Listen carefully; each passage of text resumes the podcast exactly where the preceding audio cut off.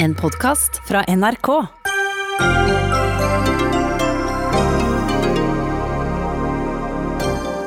Er det en myte at turisme og hyttebygging er et gode for det lokale næringslivet?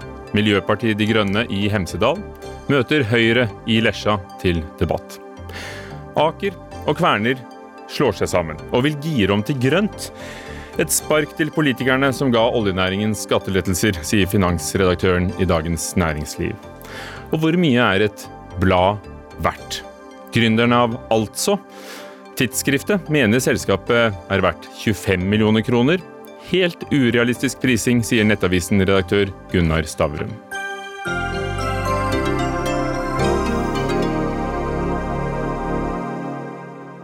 Velkommen til Dagsnytt 18 i NRK P2 på Alltid nyheter og NRK1 med Ugo Fermariello, og vi begynner i Spania og Barcelona.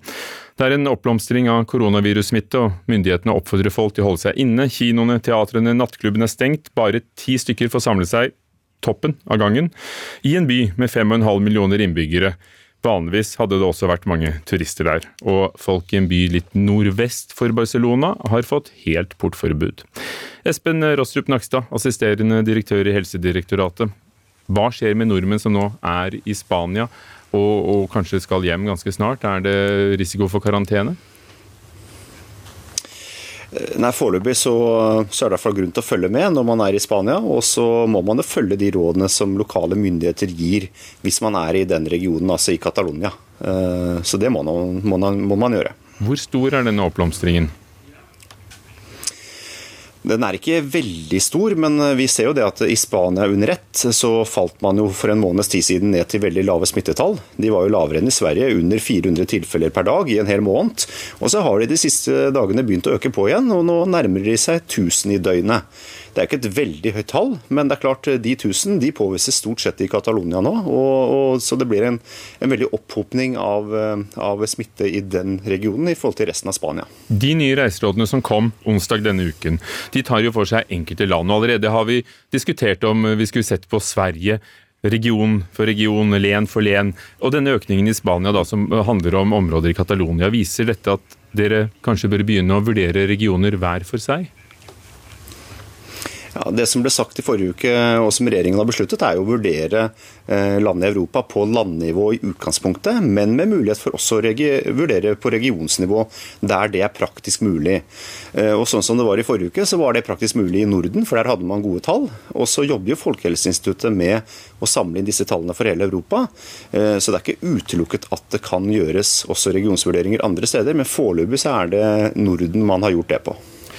Så, så, så, hva skal til? For hvis eh, folk kommer hjem fra Barcelona nå, så vil jo de da ikke få karantene, men kanskje burde de hatt det?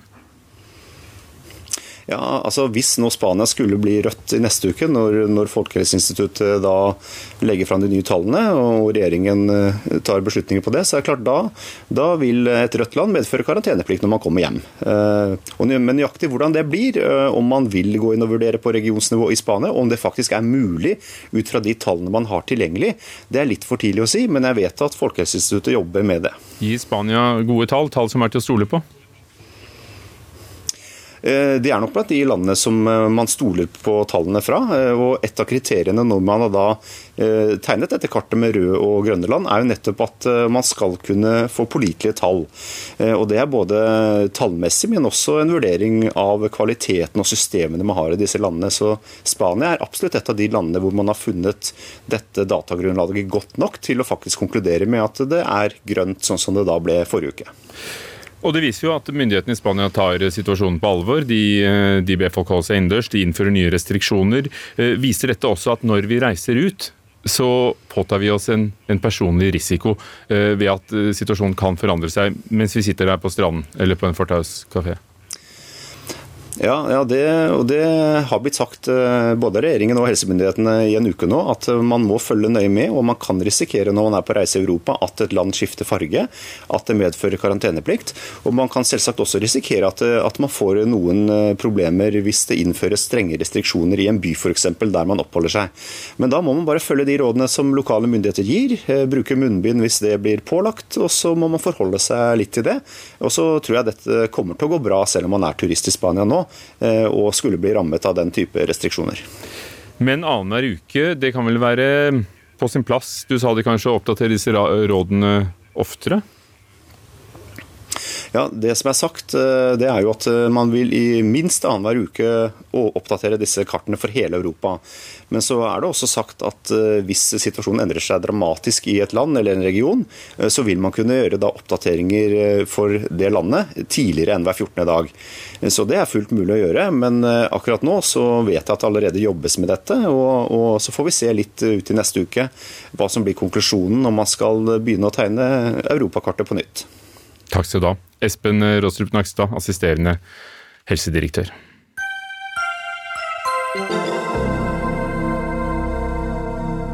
Aker og Kværner, to giganter i norsk industri og norsk historie. Etter ni år er de på nytt ett og samme selskap. De skilte lag for da snart ti år siden. Og allerede i november i høst blir de to selskapene ett. Og det er Kjell Inge Røkke som kontrollerer kontrollerer begge to. Og indrefileten i Aker-konsernet, som det blir kalt, Aker Solutions, eh, eh, slår seg sammen da med Kverner til navnet Aker Solutions. Det var det. Kværner-navnet er ute. Og så oppretter Aker en egen satsing på fornybar energi gjennom selskapet Aker Horizons, altså horisonter. Og hvem skal lede det? Aker-sjefen Øyvind Eriksen svarer. Kristian Røkke. Har eh, etter tunge forhandlinger akseptert eh, eh, jobben som daglig leder i Aker Horizons. Og det er en leder som jeg gleder meg veldig til å jobbe tett med i årene fremover. Er det enda et steg mot å overta etter pappa?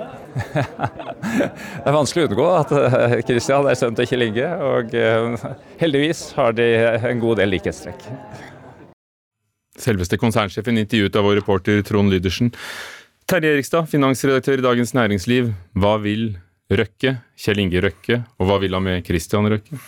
Ja, det er interessant. Eh, her eh, tror jeg Kjell Inge Røkke har tatt på seg de lange brillene og sett at eh, det han har blitt virkelig formuende på, det er den fossile energien. Det er olje og gass. Det er det tre fjerdedeler av hans børsnoterte verdier er innenfor den fossile energien. Og nå tror jeg han tenker postfossil tid, nemlig eh, hva skjer når eh, ressursbasen eh, skrumper inn, eh, når klimapolitikken gjør at vi må redusere eh, forbruket av fossil energi. Hvilke verdier skal da det dynastiet han har bygd opp, eh, hvile på? Og det er der eh, han har eh, utpekt sønnen sin til å lede de over i den postfossile verden, hvor det er fornybar energi og grønn teknologi som skal være eh, de nye vekstområdene.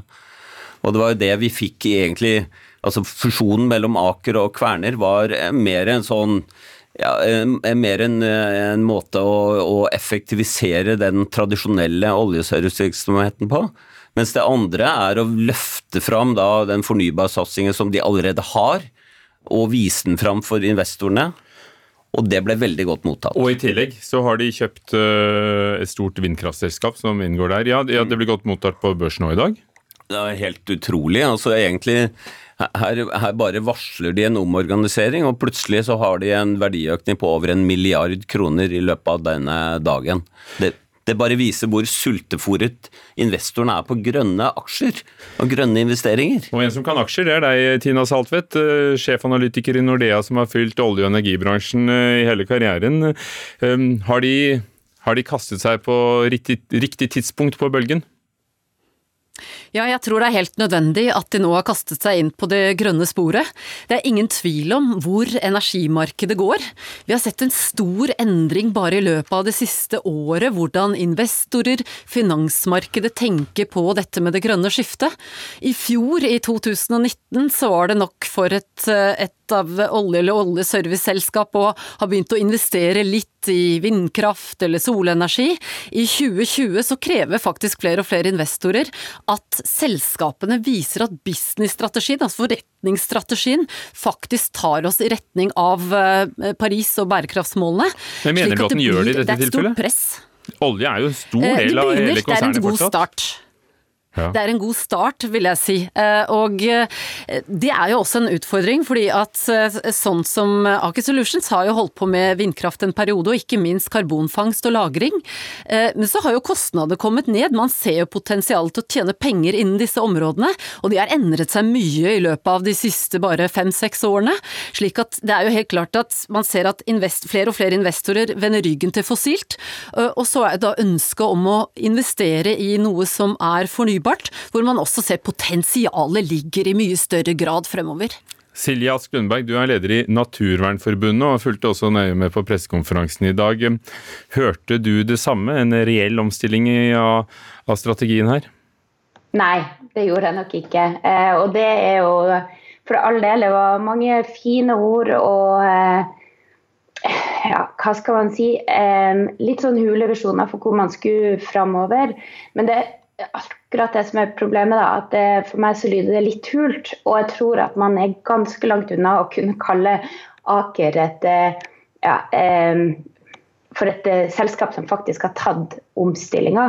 Nettopp fordi at de er såpass tungt involvert i olje og gass fortsatt, både på norsk sokkel, eh, men jo også i, internasjonalt og, og i andre land. Eh, og Det er jo det som er litt av utfordringa her òg, syns jeg, med det som ble presentert i dag. Var jo nettopp det at Aker Solutions har jo holdt på eh, lenge. Nettopp med eh, offshore vind, med karbonfangstlagring. Eh, og det som jeg sliter litt med å skjønne, hva det egentlig er som var det virkelig nye som kom. Eh, hva er det som er målsettingen til Aker framover når det kommer til hvordan investeringsporteføljen skal utvikle seg, hvor stor andel skal være i, i, fossilt, hvor stor andel skal være i fornybart og i nye teknologier. Eh, sånn at eh, For meg så ser nok det her ut som at det, ja, det er det samme gamle Aker. Men, men la oss spørre, så da. legger man på litt penere ord. Terje Erikstad, hva er det egentlig nye som du ser det? Ja, det nye er at uh, den, den, grønne teknologien og fornybar energi skilles ut som egne selvstendige børsnoterte selskaper som kan hente inn kapital på egen hånd, og som kan vokse eh, så lenge eh, investorene vil finansiere den type virksomhet. Og det er jo det vi ser, og det er det Tina Saltvedt snakket om òg, at når finansmarkedene straffer olje og gass og belønner fornybar energi, da skjer det virkelig ting. Og det, jeg bare lyst til å si at en, dette er også en, på en måte et spark til norske politikere som nettopp ga skattelette til oljeselskapet for å få en slags grønn omstilling. Altså det, det Øyvind Eriksen, konsernsjefen i Aker, sa i dag, var at fornybar energi og grønn teknologi er en helt annen virksomhet enn oljeservice. Så det, er, det var helt feilslått av politikerne å gi skattelette til oljeselskapene for å få en grønn omstilling. Var det litt uredelig av dem å, å argumentere med òg? Ja, altså jeg syns jo det var en lobbykampanje som var helt eh, altså uten sidestykke. Hvor, hvor, man liksom lokket politikerne med at her skulle man fått en grønn omstilling ved å subsidiere svart energi. Eh, og det, det, er, det, er, virkelig å være helt på villspor. Det syns kanskje du også, Silje Ask Lundberg. Men når en eh, så dreven forretningsmann som Kjell Inge Røkke og, og de andre eierne og styret her går inn for å, gjøre sine hoser grønne, i hvert fall for de som vil investere i grønt, så betyr det vel at de ser en fremtid? En fremtid som også er kommersiell? Ja, men det som vi også må huske, Jeg er helt enig i kritikken av det som handler om oljeskatten. Men der er jo noe problemet der er jo at det var jo Aker sitt forslag. Altså, vi må jo ikke glemme hvem det var som kom med det forslaget til bordet, som også kjørte en vanvittig lobbykampanje også for å få det vedtatt. Det var Aker. Altså, sånn at vi må ikke bare ja, Her var det bare politikerne. Det og det er jo det som er utfordringa. Her spiller Aker et sånn eh, litt sånn ganske heftig spill, syns jeg. Hvor man jo på den ene sida jo sier at jo nei, hvis man skulle få til en sånn omstilling av oljeindustrien, ja, så måtte man ha det, eh, de endringene i oljeskatten som var deres forslag som også ble vedtatt. Mm. Og så, så, går de ut og sier at man ikke skal altså at man, at man ikke får en omstilling ved å, å, å, satse eh, nettopp på de samme som man gjør på fossil energi. Sånn at det er jo det som også bare er litt sånn uh, uforståelig da, med det som har kommet i dag. Nettopp med tanke på de månedene man har uh, bak seg med de krisepakkene som er forhandla fram og som er vedtatt. Uh, hvor Aker har en ganske stor del av hva skal man si, om man skal si skylda eller ja. Men i hvert fall en god del av ansvaret for at den oljepakka De fikk det i hvert fall til. Tina Saltvedt, står vi overfor en næring som taler med to tunger? For øyeblikket så gjør vi det, både kanskje næring og eh, politikerne. Eh, for det som er litt av utfordringen med den skattepakken som kom, det er jo at vi kan risikere å låse både kapital og arbeidskraft i en sektor som kanskje bygges ned raskere enn det man så for seg bare for et par år siden.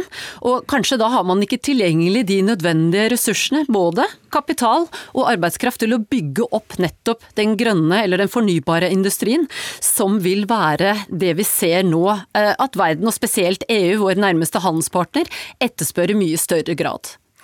Jeg tenker at det er, det er ikke så la, rart at uh, Aker vil ha i pose og sekk. Det er jo gull for Røkke, det. Først få skattelette det er ingen annen person i Norge som vil ha større glede av den oljeskatteletten enn Kjell Inge Røkke. Ja, Han er vel også men, avhengig av goodwill hos politikerne? Jo, jo, men, men nå, nå, er, nå er, satser han jo på fornybar energi, og det vil jo det vil jo politikeren ha, sånn at han får jo goodwill på det òg. Og da Kverners, Kverners gode resultater kom i forrige uke, så sa de at det var jo takket være at ordretilgangen ble, eh, ble sikret, og, og, siden staten eier noen aksjer der òg, så ja, ja, er vel alle fornøyd, da? Nei, nei, men altså, det, det er ikke noe tvil om at uh, oljeskattelettelsen helt sikkert vil bidra til noen arbeidsplasser, men de er fryktelig dyre og i feil, uh, går i feil utvikling.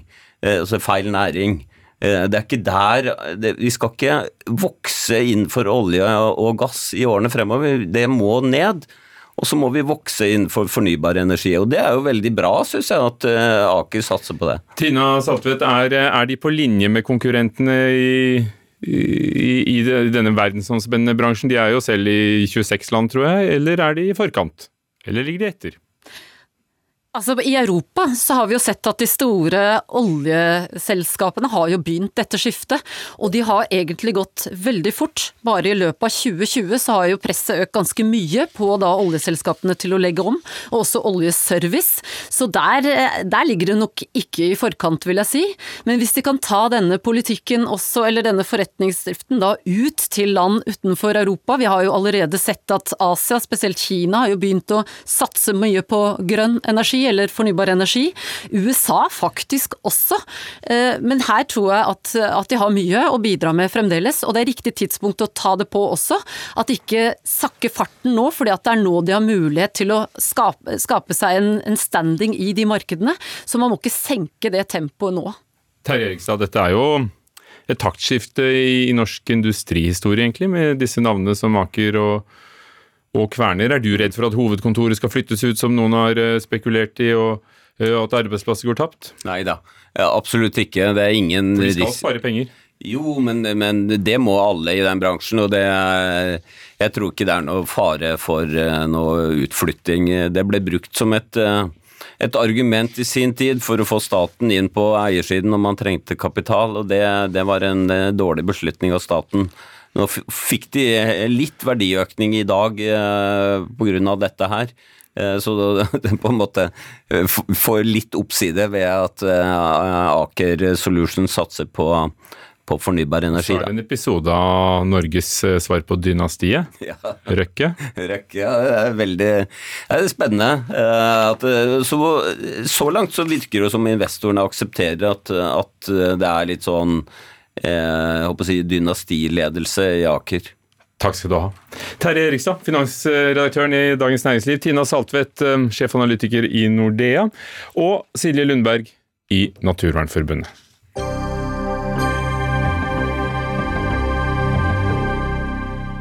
Kristin Clemet, tidligere utdanningsminister, bl.a. er bekymret for det hun kaller sterke krefter både blant lærere og på venstresiden, og mener de vil drive en skole uten kunnskap om hvordan det står til med kunnskapen hos elevene, og hun møter en lærer og SV i en og samme person til debatt senere her i Dagsnytt 18.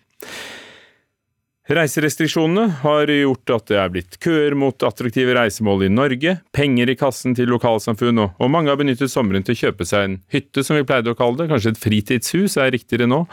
Norsk institutt for naturforskning har gransket statistikken fra kommune til kommune, som viser at det å ha mange hytter i en kommune ikke nødvendigvis gir et sterkt lokalt næringsliv. Forskeren bak sier til Nasjonen i dag at utbyggingen av fritidsboliger knapt kan kalles økonomisk bærekraftig. Margit Fausko, leder i Hemsedal eh, MDG. Hvordan tolker du funnene i sammenlignet med den erfaringen du har fra hjemkommunen din?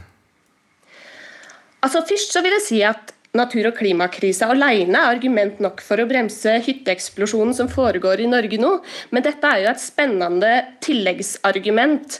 Og jeg syns fra Hemsedals eh, ståsted at det er påfallende lite av selve utbygginga som kommer bygdesamfunnet til gode, fordi hyttebygginga går så fort at lokale entreprenører ikke har tid. Da kommer det inn store byggefirma med ikke-lokal og gjerne østeuropeisk arbeidskraft og bygger ut resten uten engang å betale skatt til kommuner. Så ja, det stemmer i stor grad, selv om det er nok også å påstå at hyttebygging ikke i det hele tatt kommer kommuneøkonomien til gode. Det er nok, det, det er nok um, ikke helt riktig for, eh, for Hemsedal, men ikke så mye som det uh, kunne ha gjort. Hvordan er det hos dere? Hanne Velure, sentralstyremedlem i Høyre, leder i Utmarkskommunenes sammenslutning, og, og, ikke minst eh, bor du i, i Lesja, som har to og en halv ganger så mange hytter sammenlignet med fastboende. Er det, er det en økonomisk suksess? Ja, altså Jeg er jo opptatt av hva er alternativet. Hva er det man mener kan gi en bedre verdiskaping enn eh, bl.a. dette hyttefenomenet som vi har eh, i store deler av Fjell-Norge og Kyst-Norge. Så synes jeg det er litt rart at man ikke tar inn samfunnsforskernes rapporter. Der kommer den ene etter den andre, men de, kom, de går litt under radaren i forhold til det naturforskerne sier.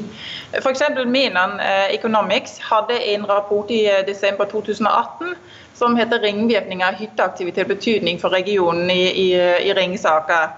Og Den konkluderte med at det er ca. 2 milliarder kroner per år i verdiskaping eh, for den regionen.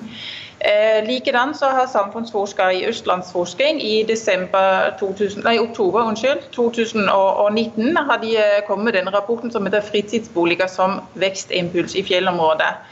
Eh, som gir noen helt andre perspektiver enn det Kaltenborn eh, ytrer seg om. Så jeg syns jo det er litt Eh, rart. Eh, vi kan jo sammenligne oss litt, for det er jo et veldig spesielt fenomen. Hyttefenomenet er jo sånn litt særnorsk. Men, men, nå kan vi jo ikke, jeg beklager at jeg avbryter dem, vi, vi, kan jo ikke holde styr på alle rapportene i hodet her, men vi skjønner at det er forskjellige fakta. Bjørn Kaltenborn er altså han som er, står bak den som, som nasjonen refererer til, og han sier bl.a. at det kan gå på bekostning av annen næringsutvikling. For vi vet jo ikke Hanne Velur, om kanskje kommunen din hadde funnet på noe annet, da, hvis det ikke var det? Jo, det, det, tenker jeg nok at det var mange som kunne tenke seg å vite hva det er. Eh, vi har bygg og anlegg, handel og service. Eh, masse tjenestetilbud som både kommer lokalbefolkningen og eh, andre turister innen deltidsinnbyggerne, altså hytteeierne, til gode. Og Da er det helt nødvendig at vi har basisen i, i fritidsinnbyggerne. Eh, så det, det, er litt sånn eh, Jeg vil gjerne vite hva er det man mener skulle komme i stedet for. Eh, jeg vet i hvert fall ikke hva det er. Nå sitter jeg selv i et utvalg som skal komme en NOU nå i oktober som heter om distriktsnæringsutvikling. Og Da er jo dette med hyttebygging også tatt inn. Og Det er, det er vanskelig å, å se for seg hvordan vi i Norge skulle klare å å finne andre eh, næringer som skulle gitt like god eh, næringsutvikling. Så synes jeg det er litt men, men, men la, oss, la, oss, ta det poenget, er du snill. Margit Fausko i, fra Hemsedal, Miljøpartiet De Grønne der. Hva sier du, hva annet kunne dere funnet, hva annet kunne dere gjort når du sier at hyttenæringen ikke gir det du mener den kanskje burde gitt, når den først er der, da? For dere ville jo ikke hatt så mange hytter uansett. Mm. Altså, Eh, for å ta det med på fortellinga om grenda som Eva vokste opp i, der var det 22 aktive gårdsbruk da jeg var barn, og det er blitt redusert til fem i dag, derav fire som er organisert i et fellesfjøs. Så jeg syns det som har skjedd allerede med nedlegginga av norsk jordbruk og primærnæringene for øvrig, det er hårreisende, og det er en utvikling som må snu for at vi skal skape robuste lokalsamfunn i hele landet. Og det er også direkte på akkord med hyttebygging, i form av at hyttebygging fortrenger eh, hyttebygging fortrenger beitelandskapet, og det ødelegger for attraktiviteten til hytteområdene, eller for, for turistene som kommer da, til Hemsedal. Du, du er jo odelsjente, Margit Fausko, så den dagen du har gården og utmarken og skogen, så, så skjønner du at det blir ikke noe hytte på din tomt? Nei, det har jeg bestemt meg for at det ikke skal bli. Og så skal jeg være helt ærlig på at eh, ja, min gard også har skilt ut hyttetomter eh, i mine foreldres eh, tid, og jeg skjønner at det Eh, kan komme både garn til gode, og, eh, og at det gjør det for, for andre også. Men eh, sånn den garden jeg har, da, den har så masse ressurser. Jeg ser veldig mange muligheter for å drive med kreativ næringsutvikling, enten med bygningsmassa eller med naturressursene som finnes på gården. Og da eh, trenger en ikke å bygge ned naturen for å ha et levebrød, heller tvert imot. Erik Sletten, ordfører i Trysil fra Senterpartiet.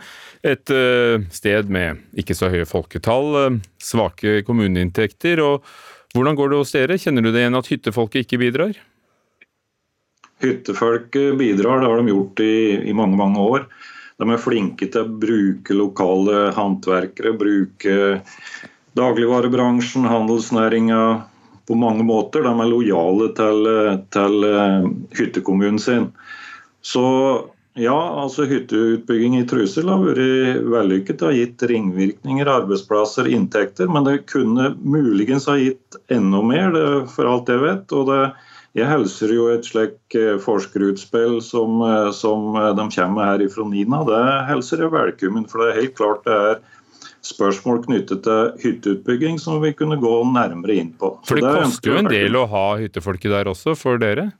Ja, det er helt klart at det gjør. Det er, det er den andre sida av det. Det koster på infrastruktur, det koster på helsestell. Vi har ansvaret for folks helse, alle som er i kommunen. Og det koster mye ekstra når folketallet kanskje er doble eller femdoble eller tidoble og i sesong som det er her i, i toppsesong, så er det klart det koster mye for kommuneøkonomien. Hanne Velure i i, i Lesja, er det rettferdig fordelt, disse inntektene fra hytte, hytteindustrien, vil du si? Når du, når du ser at det, det koster jo også mye for en kommune å måtte være der da, med helsetilbudet? Ja, altså Som jeg sa før, så for det første så bare for å si dette med, med nedbygging av natur, så 500 000 hytter i Norge de, de fyller 0,14% av Norges fastland. Altså 1,4 tusendeler. Det vil ikke jeg kalle nedbygging. Eh, så vi må stikke fingeren litt i, bakken og vite hvor vi er. Når det gjelder dette med eh, tjenesteproduksjon, Eh, lokalisering, dimensjonering, finansiering av offentlige tjenester og infrastruktur, så er vi nødt til å ha en aktiv hyttepolitikk. og Det har gått under den politiske radaren i veldig mange år. Det er vi nødt til å gjøre noe med. Det jobber vi med i Utmarkskommunenes sammenslutning, hvor Trysil også er medlem. Så dette er jo en, en Men spørsmålet var, Hanne Velure, er det er det rettferdig fordelt, mener du, fra, ja, annet fra statens side? altså At dere har jo en stor byrde også. Eller stor, vet jeg ikke, men det er nå i hvert fall en byrde. Det hørte vi Trysil si. Ja, altså Det er lovpålagte tjenester som man har krav på når man setter stortåen sin inn i en annen kommune. og Det gjelder jo bl.a. Øh, legevakt, det gjelder brannvesen, det gjelder hjemmesykepleie f.eks., for, eksempel, for å nevne noe. og Det blir stadig mer når man må oppholde seg. for at Deltidsinnbyggerne er stadig mer på hytta. Øh, og Det betyr jo at man har, har en belastning på kommunene. Eh, så, så, hører jeg det er noen som sier ja, men disse hyttekommunene de vil gjerne ha hyttefolket uh, og inntektene derfra, men de vil ikke eh, bidra med tjenester. Men det handler om at det er nedovergående folketall i mange hyttekommuner, aldrende befolkning, mens hyttetallet går oppover. Og det, det, er det veldig mange plusser med for, for, de som har hytte, men kanskje vi må innse at det har en litt større kostnad å ha to boliger enn én. Uh, hyttefolket bidrar med mye, men akkurat når det gjelder kommunene, så tjener man ikke tilstrekkelig til å kunne dekke de eh, lovpålagte tjenester som hyttefolket både har krav på og også forventer. Og da er det vel ikke økonomisk bærekraftig, da? Hvis man ikke tjener nok for å dekke det? Altså, utfordringen, er jo at vi, utfordringen er jo at dersom vi ikke hadde hatt hyttebygging Jeg skulle gjerne sett hvilken framgjøring det hadde vært eh, mellom bygd og by. Det betyr utrolig mye for å motvirke den eh, manglende kunnskap som er ofte mellom sentrum og periferi. Og ikke minst hva skjedde hvis f.eks. halvparten av hytteeierne hadde kjøpt seg hytte i Spania og satt seg på et fly når det gjelder klimaregnskapet? Det kunne jo tenkt meg å visst òg. Vi lar det spørsmålet Hanne Velure, henge i luften, fordi jeg er redd vi må må sette strek der. Hva hadde skjedd da? Hanne Velure, sentralstyremedlem i Høyre, med fra Lesja. Vi hadde også med Margit Fausko, leder i Hemsedal Miljøparti De Grønne og odelsjente, og ordføreren i Trysil, Erik Sletten fra Senterpartiet.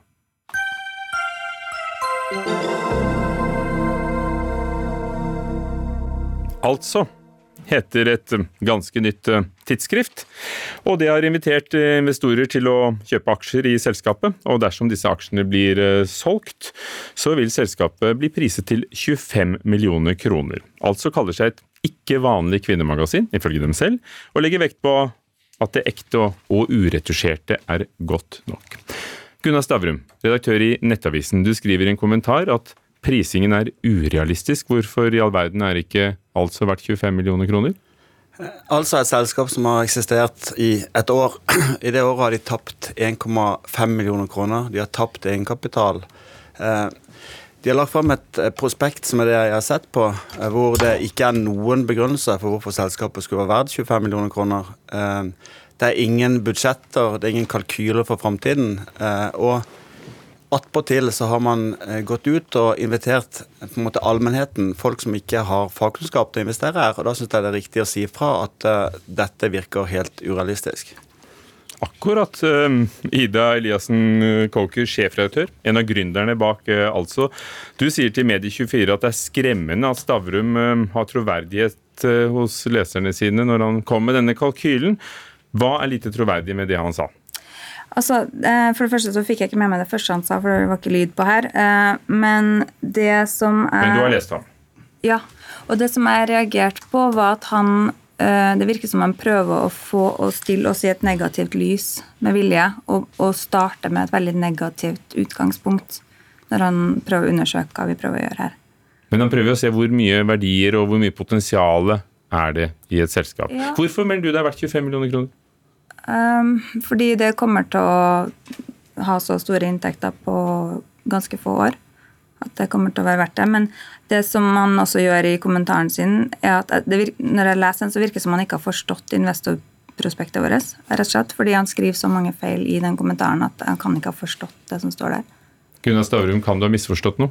Eh, det prospektet er så tynt at det er ikke mulig å forstå det. Altså, det står ingen tall på hvordan ting kommer til å utvikle seg når inntekter og kostnader.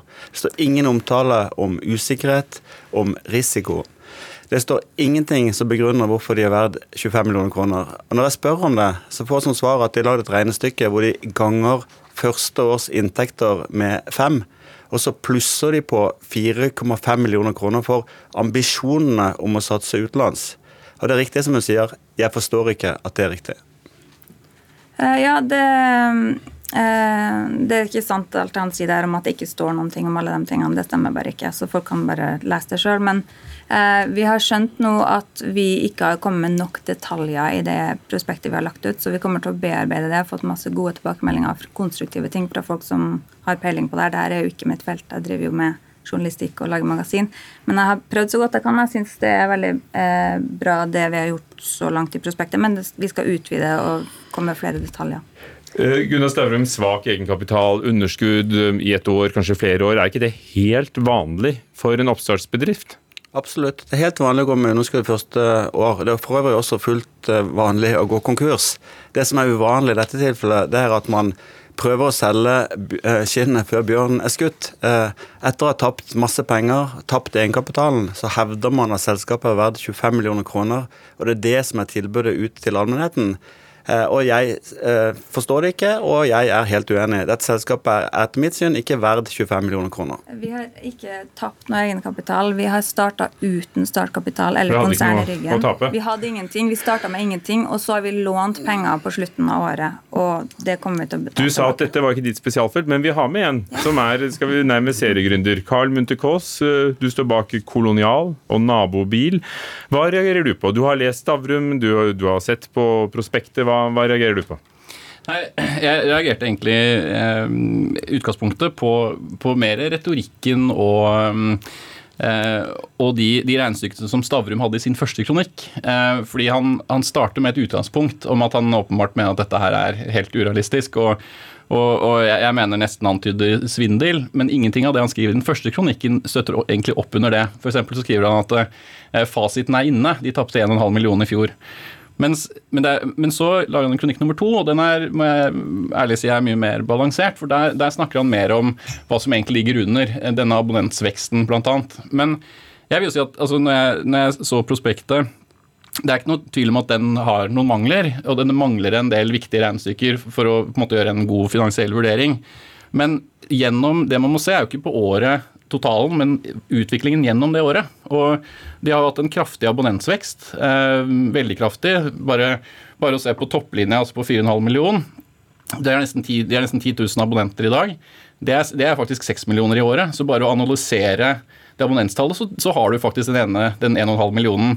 Men så er selvfølgelig, og det er Stavrums eh, poeng godt, da, at vi vet ikke hvor mye av den millionen hans vil faktisk kunne gått med på å dekke dekningsbidraget, f.eks. Så det, det er ikke noe tvil om at det mangler ting i prosjektet. Men, men du har jo teft for eh, gode forretninger, i hvert fall nå hører vi om de som har gått bra. da, Vi vet ikke hvor mange andre ting du har startet. Men, men, eh, men ville du kjøpt aksjer? Vil du, syns, syns du det er en god idé? Jeg, synes at altså, jeg er helt sikker på at altså kommer til å gå med overskudd. Ehm, det, er, det er jeg helt sikker på. Jeg tror det er, et, eh, det er ikke noe tvil om at dere har veldig, eh, veldig interesserte lesere. Ehm, men jeg, jeg må nok være enig med Stavrum at basert på prospektet alene, så mangler det såpass mye informasjon at jeg syns at den prisingen virker stiv. Det er jo blitt uh, mye omtalt. En av de andre gründerne er komiker Sigrid Bonde Tusvik. Dere har fått altså nesten 10 000 abonnenter uh, ganske raskt. og Jeg sa et par ord om det. Kan ikke du si hva, hva ideen deres er? Hva er altså? Vi har eh, kommet med noe helt nytt. Vi har kommet med noe som ikke gjøres fra før, men det kan se ut som noe veldig vanlig først, fordi det er et papirmagasin. Men det er reklamefritt, og vi lager det for leseren. Vi lager det ikke for annonsører eller andre ting. Um, og det er også fritt for retusjering, for utseende, og det eh, Vi prøver å ikke skape press om mer forbruk, f.eks. Vi er veldig opptatt av miljø. Eh, vi trykker det på veldig miljøvennlig papir i Norge. Um, og vi prøver å gi leseren en følelse av å være styrka, føle seg skikkelig bra. Er det, er det for kvinner?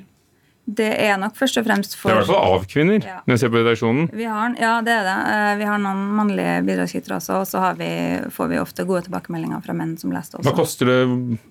Hvor mange ganger kommer dere ut? Fire ganger i året koster 599 for et abonnement. Egentlig er det litt lavt, for det koster utrolig mye å lage det, fordi vi betaler alle som bidrar eh, ordentlig.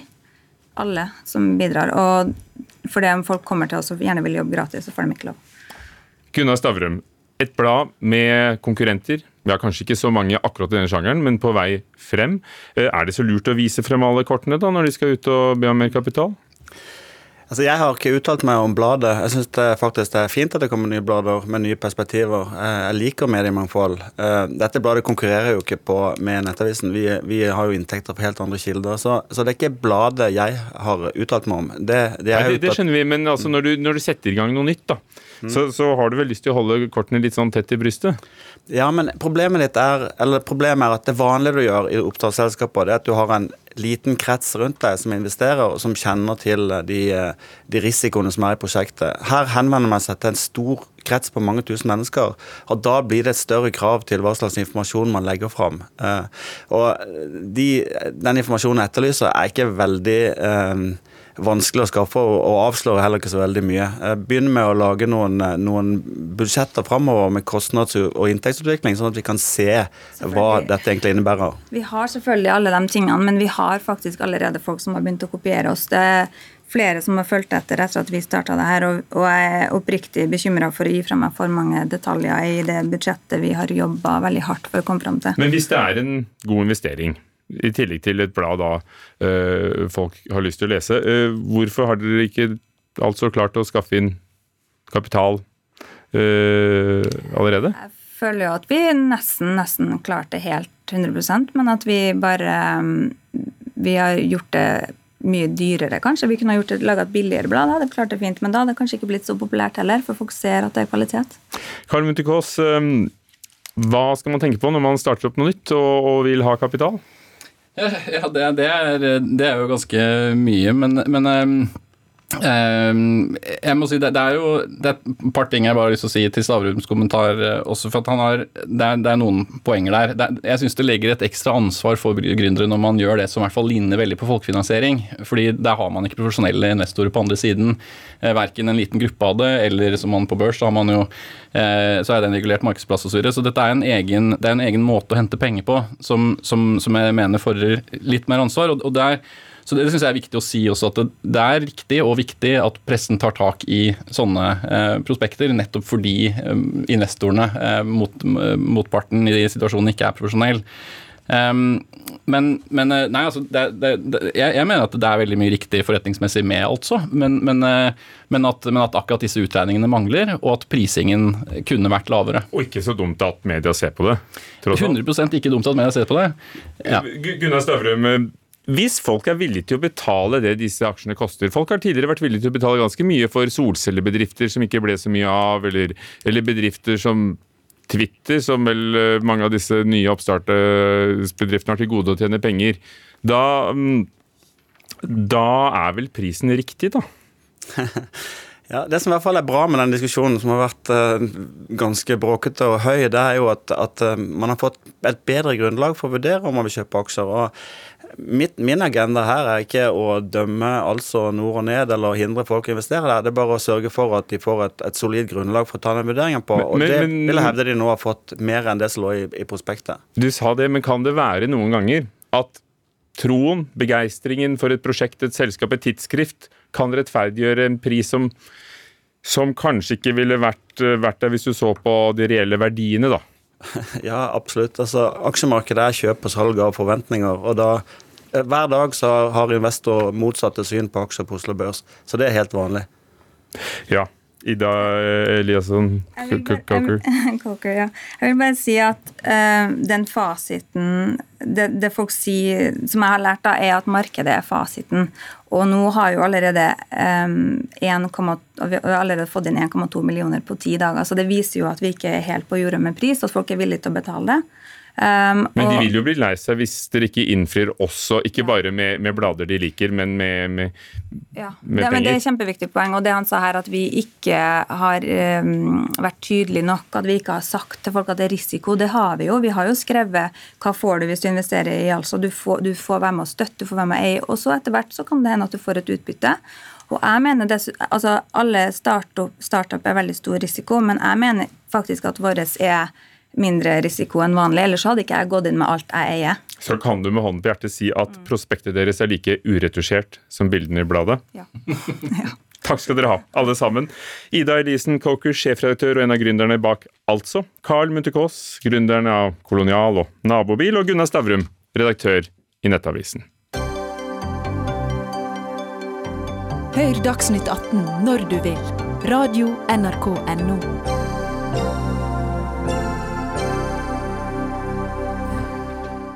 Snart skal eh, alle skoleelevene tilbake på skolebenken og klasserommene. og ja, Forhåpentligvis. Eh, det var ikke så mye klasserom i det siste, men det regner vi med det blir. Og da følger det også med nye prøver og tester for å følge med på hvordan de gjør det rent faglig.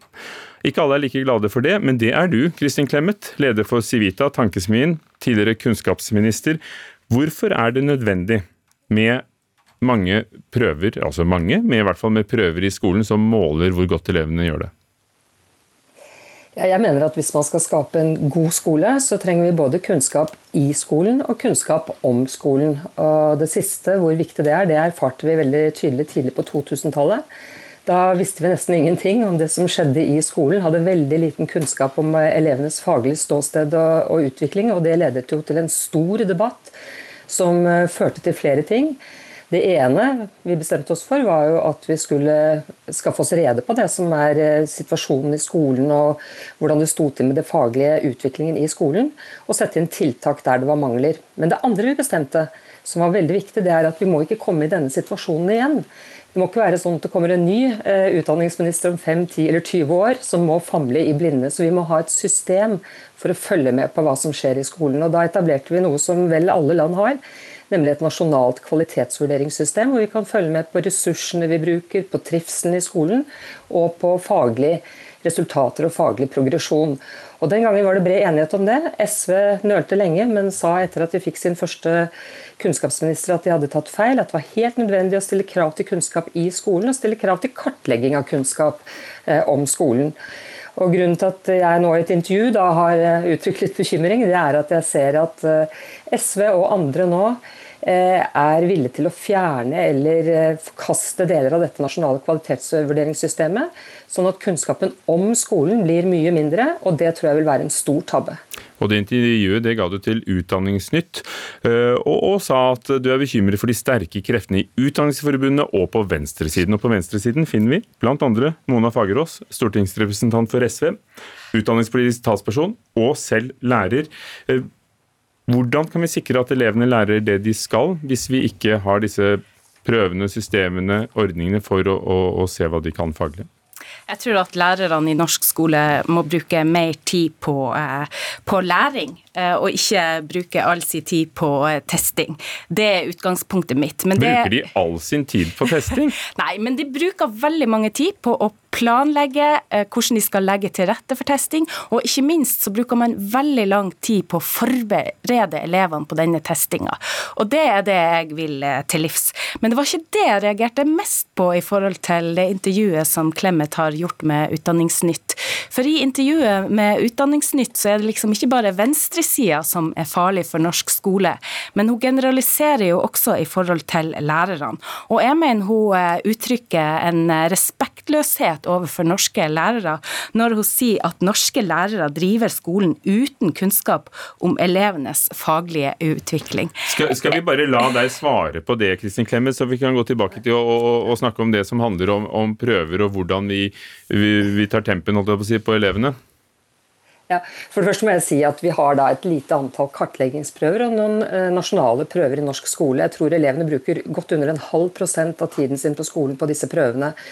Eh, og Men det var det med tonen, og om du stoler på at lærerne gjør det de skal eller ikke?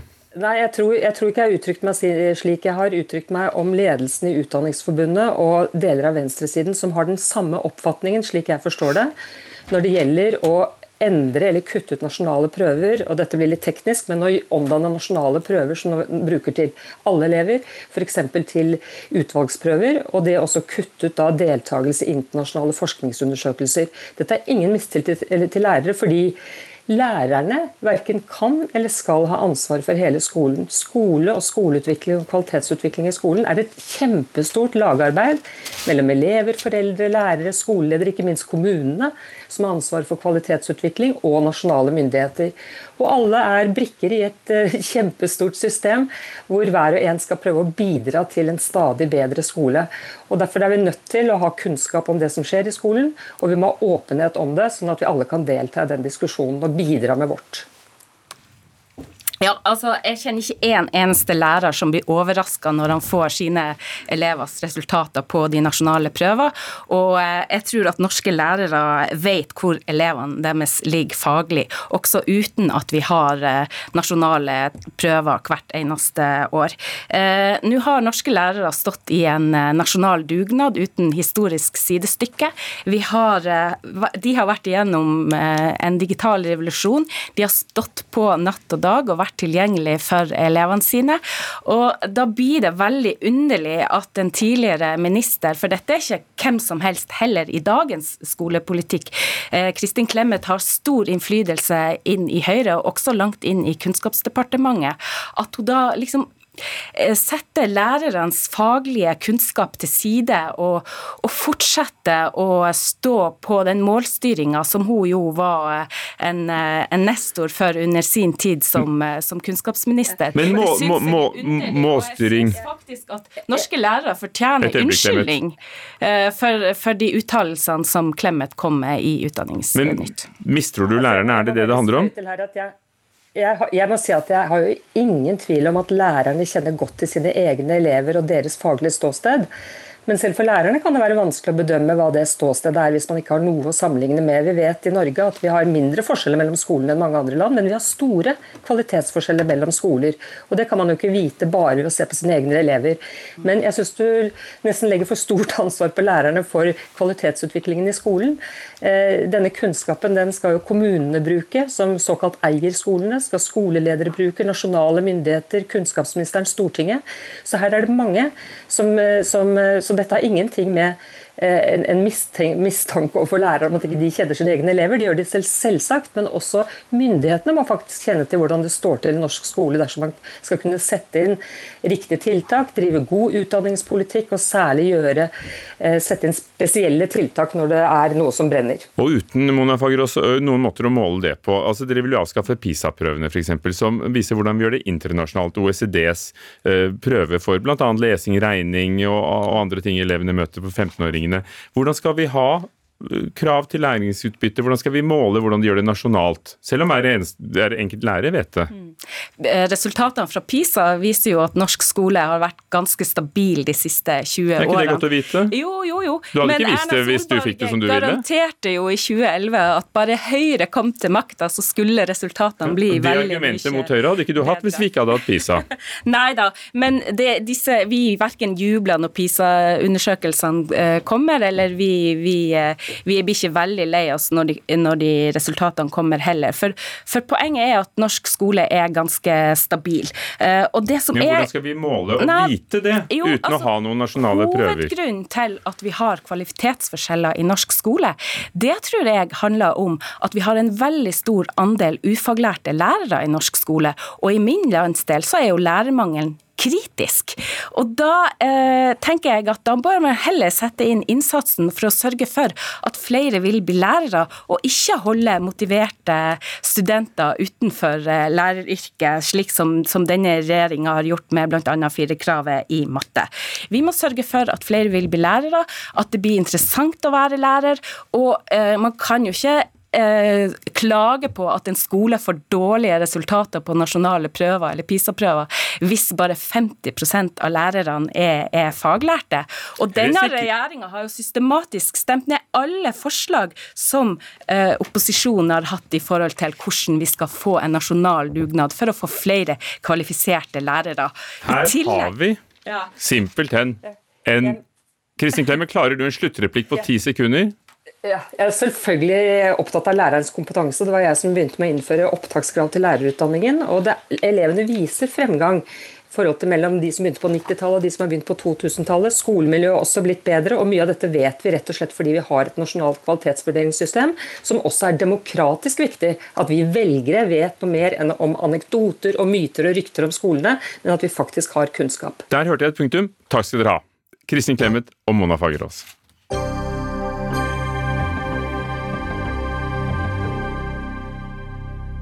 EU-landene er samlet til toppmøte i Brussel i dag. Det er store forventninger fra Frankrike, Italia, Spania, Hellas til Sverige, Østerrike eh, og alle EU-landene. Fordi det er foreslått en eh, stor, rekordstor redningspakke. 750 milliarder euro, 7500 milliarder norske kroner, for å hjelpe landene som er hardest rammet. Formannskapet, Angela Merkel fra Tyskland, er begeistret. EU-kommisjonen er for, men ikke alle. Christian Aanensen, utenriksreporter på plass i Brussel. Hva har skjedd på dag én av møtet? Her har alle de 27 statslederne fått eh, lagt frem sine innlegg og fortalt om sine innspill til eh, planen. Eh, det har blitt beskrevet som egentlig en lang rekke monologer, og at samtalene går ganske tregt. Dagens vert, Charles Michel, har bedt dem om å fokusere på to områder hvordan denne pakken skal finansieres og hvordan den skal fordeles. Så nå har de gått til middag, og etter det så er det ventet at de møtes igjen for å ha bilaterale samtaler i dette bygget rett bak meg her nå. Og du står da midt i Brussel, og hva kan vi forvente at kommer ut eh, av, av møtet når de kommer ut derfra i morgen? Det er nok ventet at kvelden i kveld og morgendagen vil ha ganske mange tøffe forhandlinger. Eh, det er ganske mange statsledere som nok tenker nok mye på sine egne velgere fremfor EUs eh, e beste. Eh, Nederlands Mark Rødd har sagt at de ikke skal forhaste seg. Giuseppe Conte fra Italia har sagt at det haster. Mens dagens bursdagsbarn, Angela Merkel, har sagt at de må få det til i løpet av sommeren. Så i morgen er vel det tidligste dagen vi kan få et svar eller et resultat ut fra Brussel. Takk skal du ha, Christian Aansen eh, fra Brussel. Simen Ekern, påtroppende europakorrespondent her i NRK. Det er eh, noen sterke motsetninger mellom enkeltland og EU-kommisjonen. Hvor går skillelinjene? Og Det går eh, flere skillelinjer, og de er mange. Men i det store og det hele så handler det jo om um, hvor stor del av denne krisepakken som skal være bevilgninger som går til de hardest rammede landene uten at pengene skal betales tilbake. Og hvor stor andel som skal være lån som skal betales tilbake. Hvilke kriterier eh, skal gjelde, hvilke krav skal man stille til landene som får disse bevilgningene. Ehm, og en hel eh, rekke andre ting. Så det er ikke merkelig at Angela eh, Merkel i dag sa eh, at hun ventet at forhandlingene kom til å bli svært, svært vanskelige pga. den store avstanden mellom en del av landene. Er det alt eller intet, eller kan de finne frem til kompromisser her? Nei, De kan absolutt finne fram til eh, kompromisser. Eh, man kan eh, se for seg at det går an å redusere størrelsen på den store krisepakken. Man kan se for seg at man kan bli enige om noen kriterier som, som landene i sør må tilfredsstille, men som likevel ikke går så langt at de føler seg overkjørt. Det finnes forhandlinger, og det er nok også derfor en del av de innbitte motstanderne, iallfall i forkant av møtet, f.eks. Nederlands statsminister statsminister Mark Rutte har stått så hardt på sin posisjon, nettopp fordi han vet at det kan gi ham noen gode kort på hånden i forhandlingene. Noe han kan komme hjem til sine velgere i Nederland med og si at jeg klarte eh, å få et bedre resultat enn det eh, det lå an til på forhånd. Kan du minne oss på, på skepsisen uh, hos Nederland og Finland, Sverige, Danmark? Ja, de, de, kjipe, som de er blitt kalt. De er faktisk blitt kalt det. Ja, De nøysomme eller de gjerrige. Det er mange, mange varianter her. Men, men, disse landene i nord er jo eh, de landene som vi kjenner igjen fra diskusjonen rundt eh, eurokrisen. Altså nordeuropeiske økonomier som er bekymret for eh, å gi penger til Sør-Europa, fordi man mener at det er for stor risiko for at disse pengene bare forsvinner og ikke tjener til noe. Og man vil i alle fall da, som Mark Rotte, som har blitt en slags uformell leder for skeptikerne, at disse bevilgningene skal i første rekke være lån som skal betales tilbake. Og det skal også stilles krav om økonomiske eh, reformer eh, i eh, landene som mottar pengene for at de skal få dem. Og Det er man jo skeptiske til i Sør-Europa, fordi man aner Eh, konturene av en slags, et overformynderi som, som et land som Hellas f.eks. opplevde eh, under, etter finanskrisen. Så, så, Dette er jo grunnen til at dette blir så betent, også fordi det minner mange av landene om konflikter de har vært eh, inne i tidligere, og der man aldri egentlig fant noen god løsning eller videre vei framover for hvordan dette forholdet mellom de europeiske landene skal være framover. Og hvis betingelsene blir for harde. Hva, hva sier de da? La oss ta i Italia. Italia har jo fryktelig store forventninger til eh, dette møtet. Ikke minst har den italienske regjeringen det. For Giuseppe Conte er nok nødt til å komme hjem til sine velgere eh, med noe han kan vise fram og si jo, det er slik at de andre europeiske landene bryr seg om Italia. Det er ikke sånn som mange av dere trodde da, da Italia ba om hjelp i den første fasen av, av pandemien. Eh, og fikk eh, ingenting til svar eh, fra, fra, de andre europeiske landene. Så han trenger noe å komme tilbake med, og han trenger det også raskt. og Det er jo interessant her også. Tiden er en viktig faktor. Ikke alle land føler at de har tid til å sitte og vente i all evighet eller hele sommeren før man blir enige. Det haster, ja. Det var jo det hun sa. Angela Merkel, som har formannskapet. Takk skal du ha. Simen Ekern, påtroppende europakorrespondent. EU-møtet fortsetter i Brussel i morgen. Vårt møte i Dagsnytt 18 er over for nå. Arnhild Myklebust var ansvarlig for det hele.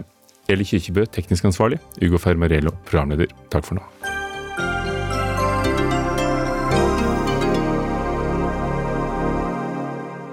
Du har hørt en podkast fra NRK. Hør flere podkaster og din NRK-kanal i appen NRK Radio.